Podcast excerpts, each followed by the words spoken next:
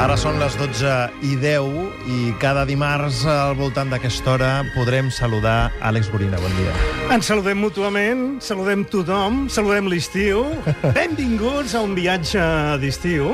Un viatge que farem amb l'Àlex Gorina ens aportarà bona música, bon cinema, com no podia ser d'una altra manera, però tot plegat el, amb l'excusa de fer un viatge al voltant del món visitant cada dia un paradís que no només ens expliques perquè l'hagis pogut veure a través de la gran pantalla, sinó perquè és un paradís on tu hi has estat i ens vols fer molta enveja. Bé, com a mínim podrem explicar alguna experiència personal, allò que hem menjat, allò que hem vist, allò que hem somiat, allò que hem uns suspensius i, eh, i tirarem milles, Uns suspensius? no? Sí, ah, i tant, també, i tant. també parlarem d'això? Molt bé, molt bé. Quan arribem a Hawaii. Molt bé. On comencem? Perquè farem una volta al món eh, per ordre. Sí, I començarem comencem... ràpidament, entrarem des de Catalunya a través del Mar Tirré, arribarem a la Toscana. I, per tant, ens hem de trobar al nord-oest, aproximadament, d'Itàlia, davant del Tirré, davant de l'illa d'Elba, on Napoleó va anar a parar la primera vegada que el van treure de França, i hem de recórrer ràpidament un territori on hi ha algunes de les ciutats dels paisatges i de l'art més meravellós que hi ha en el món. Pisa, Volterra, Siena, Vinci, les termes de Saturnia. Mira, jo aquestes us les recomano de debò, perquè no es pot fer nudisme, però el que et passa quan et fos sota la cascada és que tot marxa. Tot, tot. Cal, tot, tot marxa El absolutament. cabell, també. La vergonya, les angúnies de l'hivern, tot plegat, no? En fi, és un lloc ple de patrimonis de la humanitat. Hi ha sis, hi ha eh, l'art de Cimabue, de Giotto, de Duccio de Bonisegna, pots trobar tot el que va fer a Florència, Michelangelo, gent com Ghiberti, que va fer les portes del paradís, el baptisteri de Florència, que les acaben de restaurar, i jo estic mort de ganes de tornar-hi per veure realment com llueix allò, no? És un dels destins que, que tindrem en, en aquests para, Paradise Gorina Sí. Mm. eh, més propers, més assequibles, perquè el tenim ben a prop, la Toscana. Per tant, Per tant, si aneu no a la Toscana, complicat. aneu a Toscana, primer de tot, prepareu-vos a menjar bon salami, un salami que cagues.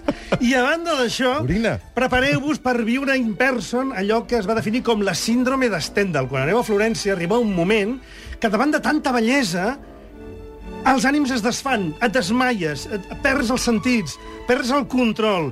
I és que pots ser un turista d'aquells de mena, però quan arribes a Florència has de mentalitzar-te que ets un turista excepcional. Bien, señorita Honeychurch. ¿Viaja usted como estudiante de arte? Solo como turista.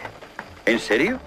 No me considere un descortés, pero los residentes sentimos lástima por ustedes, los turistas, zarandeados como fraudes de mercancías de Venecia a Florencia, de Florencia a Roma, ignorantes de todo lo que no figura en la guía de turismo, con el único anhelo de concluir la visita y seguir hacia otro lugar. Aborrezco las guías. Si me dejaran, tiraría al arno hasta el último ejemplar. Ciudades, ríos, palacios, todo embarullado en un rápido galimatías inextricable.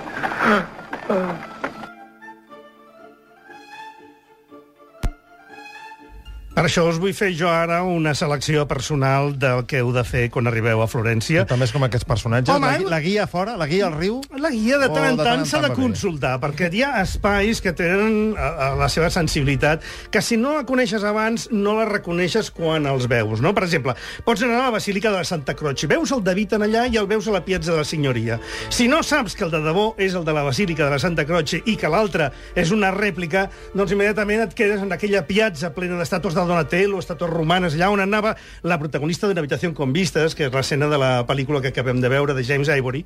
Recordeu que l'Helena Bonham Carter arribava a la pensió i deia no ens han donat habitacions en vista sobre l'Arno, i tenia com una mena de, de drama personal acompanyada de la Maggie Smith, que sempre era la senyora de companyia vella i anciana que la controlava radicalment. i la- li feia la eh, Maggie vida- Smith, li en aquests feia personatges. La vida impossible, no?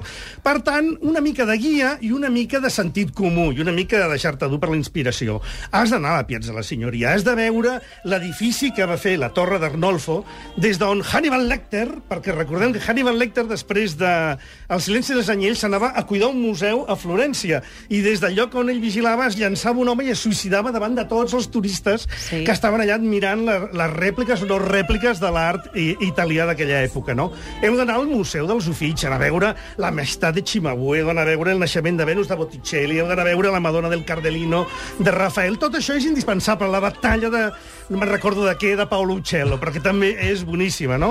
En definitiva, art. Art és indispensable. Al Aquesta, cap aquesta fi- llau de recomanacions, Àlex, Sí, jo crec sí. que després has de passar una llista a la Laia, perquè penjar, o- jo crec que és Sí, impossible sí, que amb, sí. amb, amb aquesta velocitat que ens estàs No, explicant no, tot sí. això la gent pugui prendre nota. Bueno, és, que, és que avui hem de fer, hem de fer feina ràpida. Avui no? hem d'anar ràpid que el Barça, els Perquè esports... desenganyem-nos, no? Heu de fer com els personatges de Solo, tu, que recordeu, és una pel·lícula que anaven a parar a Positano, però el Robert Downey Jr. i la Marisa Tomei es perdien a la Toscana. Sí. Enmig d'aquella- aquells camps de blat, aquells turonets, aquells xipresos tan ben parits, que sembla que són escultures d'allà, cadascun posadet la, es posa al sol i estàs en el lloc ideal. Deixar-te anar bicicleta. Bicicleta és el tema, per entendre'ns, no? Agafes la bicicleta, et canses com un, com un tonto, però fas esport, No, home, respires perquè pots anar de passeig, de passeig, Sí, però no? tot allò que baixa primer puja. Puja. I, és una, és, I allà puja molt, eh? Encara que sembli mentida, no? Bueno, ara farem un subidon. Us demano que enfoqueu la mirada cap a la cúpula de la Santa Croce, que és la, el Duomo de Florència, que va fer un senyor que es deia Brunelleschi. Va venir Michelangelo Bonarotti, és a dir, Michelangel, i va dir, vuol far la tua sorella più grande ma non più bella. I va fer a, a la cúpula de Sant Pere del Vaticà, que és on va pintar també eh, les pintures de la Capella Sixtina. Uh -huh. Primer eh, a, a tota la part de dalt i després el judici final allà al davant. Això és una escena on ens presenten l'obra d'art del gran artista florentí que va ser Michelangelo a El tormento y el éxtasis de Carol Reid. Miguel Ángel Buonarroti nació en 1475 en el pueblo toscano de Caprese, donde su padre era alcalde. Había habido también soldados en la familia de los Buonarroti, pero nunca un artista. Miguel Ángel buscó y halló su propio camino con la vibración y el estallido de una fulgurante llamarada. Aquí, en Setiñano, aprendió los primeros balbuceos técnicos de la escultura. Al principio con piedra ordinaria, más tarde con mármol, con esa piedra de luz, según el decir de los griegos. Aprendiendo a detectar sus defectos, a descubrir... El marbre, el marbre és el miracle de tot Estos el que és la Toscana. La pedra de llum. I per això, quan el sol il·lumina els edificis artístics antics del Renaixement, de la Toscana, tens la sensació d'estar davant de miralls de la història que et fan més maco, perquè llavors la gent et mira i se't posa la pell d'un color espectacular. Llavors tu menges aquells crostini de fegatini, que a tu no t'agradarien gens. Per què no? segur. Perquè són unes torradetes de fetge. T'agrada el fetge? Ah, ah, ho sabia, ho sabia, ho sabia. Bueno. Els finocchione, què tal, els finocchione? Com No ho sé què són, no sé què són, Són unes salxitxes d'un tamany potent que es fan Això amb sí, fonoll sí, sí, i que això sí. exigeixen que part del viatge el facis cap a la vall on es troba un dels miracles de la Toscana, que és el Chianti, que és aquell Home, vi que bo. també vivia, bevia el Hannibal Lecter. Sí. Que quan, quan veia un moment que deia i una copeta de Chianti. Però ho fas molt bé, això. Això és el que Ara feia- m'has fet una mica de por, eh? Anthony Hopkins. Jo dius, no sé si té gust de Chianti o de sang o de cervell, que també es menjava el cervell del pobre personatge de la tercera part. Perdes a la Toscana com aquelles angleses que sempre se'n van a jubilar a la Toscana, i especialment a una de les ciutats més ignorades i més maques d'aquesta contrada, que és San Gimignano.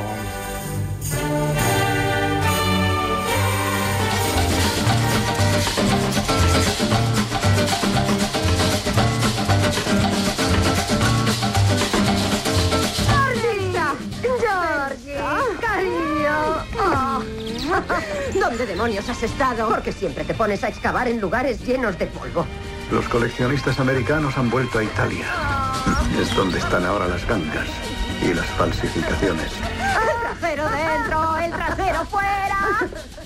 Pots perdre una mica de té amb Mussolini, pots ser com la protagonista de Bajo el sol de la Toscana, aquesta gent que sempre tenen moltíssima sort, que no saps com s'ho fan, però tenen prou pasta per no jubilar-se, dir que treballen però no fan res en tot el dia, excepte lligar amb italians, compren una villa que els surt molt bé de preu i troben uns immigrants disposats a currar tot el dia per elles i deixar-la com un temple, A més, amb un somriure nets i polits, que sembla que hagin sortit de la, de la sauna que dèiem abans, i semblar Diane Lane, que és un dels personatges més espectaculars del país. Dolce farniente, eh? Dolce farniente. És indispensable, absolutament. Bé, heu de fer turisme rural. Jo us faig una recomanació immediata. Heu d'anar a Poderes Corgiano, que és una mena de villa que es troba a Chiante, precisament, i teniu permís per veure tot el que voleu, a prop de Coleval d'Elsa, amb unes vistes sobre San Gimignano, que ara dèiem que és un lloc on hi ha les torres, aquelles altíssimes, patrimoni de la humanitat, que són una autèntica meravella, on us podeu posar a escoltar Massimo Ranieri cantant IoT, que és com la pel·lícula de Bernardo Bertolucci, que és ideal.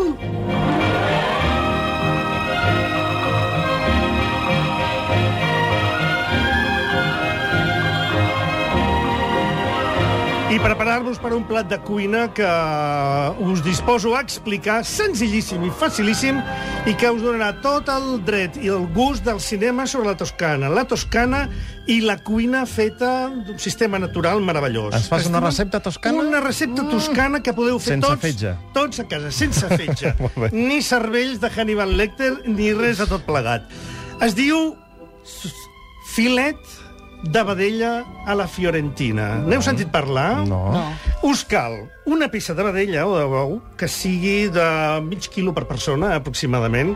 Mig quilo amb l'os, eh, per entendre'ns, i un gruix mínim 3 dits si arriba a 4. Sense res més a la brasa. 6 minuts 40 segons per banda. 6 minuts 40 segons Tan- tan- per tan banda. precís, això. Ha de ser tan així? precís I és com molt això. poc, trobo. No, no, però 6 minuts, perquè ha de quedar, ha de quedar cruet per dins. A veure, no sereu d'aquells que voleu No menjar no sola vist que, no has vist que és mig no, Aníbal no. Lecter, Sí, tant. Clar, quan, quan li heu donat la volta, raig d'oli, una miqueta de pebre i una miqueta de sal. I no cal Ja està. res més. És un gran invent que heu d'acompanyar dels cantucci di prato, que són com una mena de galatetes d'ametlla, per entendre's, Mhm. que heu de banyar amb vi de missa. En definitiva, heu d'anar per missa un capellà perquè us en ofereixi una bona mostra.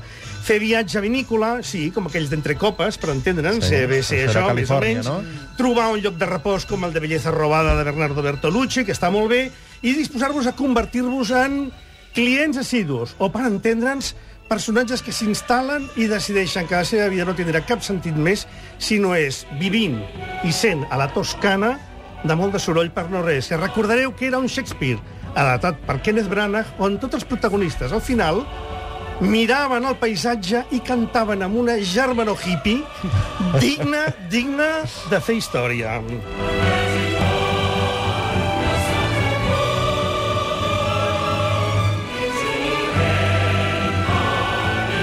Me asombra que todavía sigáis hablando, señor Benedicto. Nadie os atiende. Mi querida señorita Desdén. ¿Todavía vivís? Pero ¿cómo va a morir el desdén teniendo ante sí tan buena carnaza como el señor Benedicto? La misma galantería se convertiría en desdén si estuvierais vos delante. Pues sería una renegada. Pero lo cierto es que todas las damas me aman aparte de vos. Y quisiera que mi corazón no fuera tan duro, pues la verdad es que no amo a ninguna. Qué gran suerte para las mujeres. Así se ahorran un pretendiente dañino. Llàstima que Kenneth Branagh i la seva dona Emma Thompson, protagonistes de la pel·lícula que es barallaven enamoradíssims, es van acabar separant un cop acabat el rodatge d'aquest film, però això és una altra història. Gorina, volem, volem seguir viatjant amb tu, amb aquesta passió, amb, aquest, amb aquests plats que ens prepares, música, cinema. Per tant, t'esperem dimarts que ve perquè ens portis a un altre paradise. Voleu que l'anunciï ja o ens hi trobarem de gust? Que la eh? gent es quedi amb el dubte, que ens escoltin, que ens sintonitzin la setmana que ve. No deixarem la Mediterrània. Anirem més cap a Turquia i descobrirem un paradís d'illes on us ho asseguro, si alguna vegada heu de trobar el Gorina perdut per sempre, serà allà. Fins la setmana que ve, Àlex. Bon dia, bon Fem estiu. Una petita pausa i abans de connectar amb el Barça us explicarem una mica com fer coses a casa a mà. Fins ara.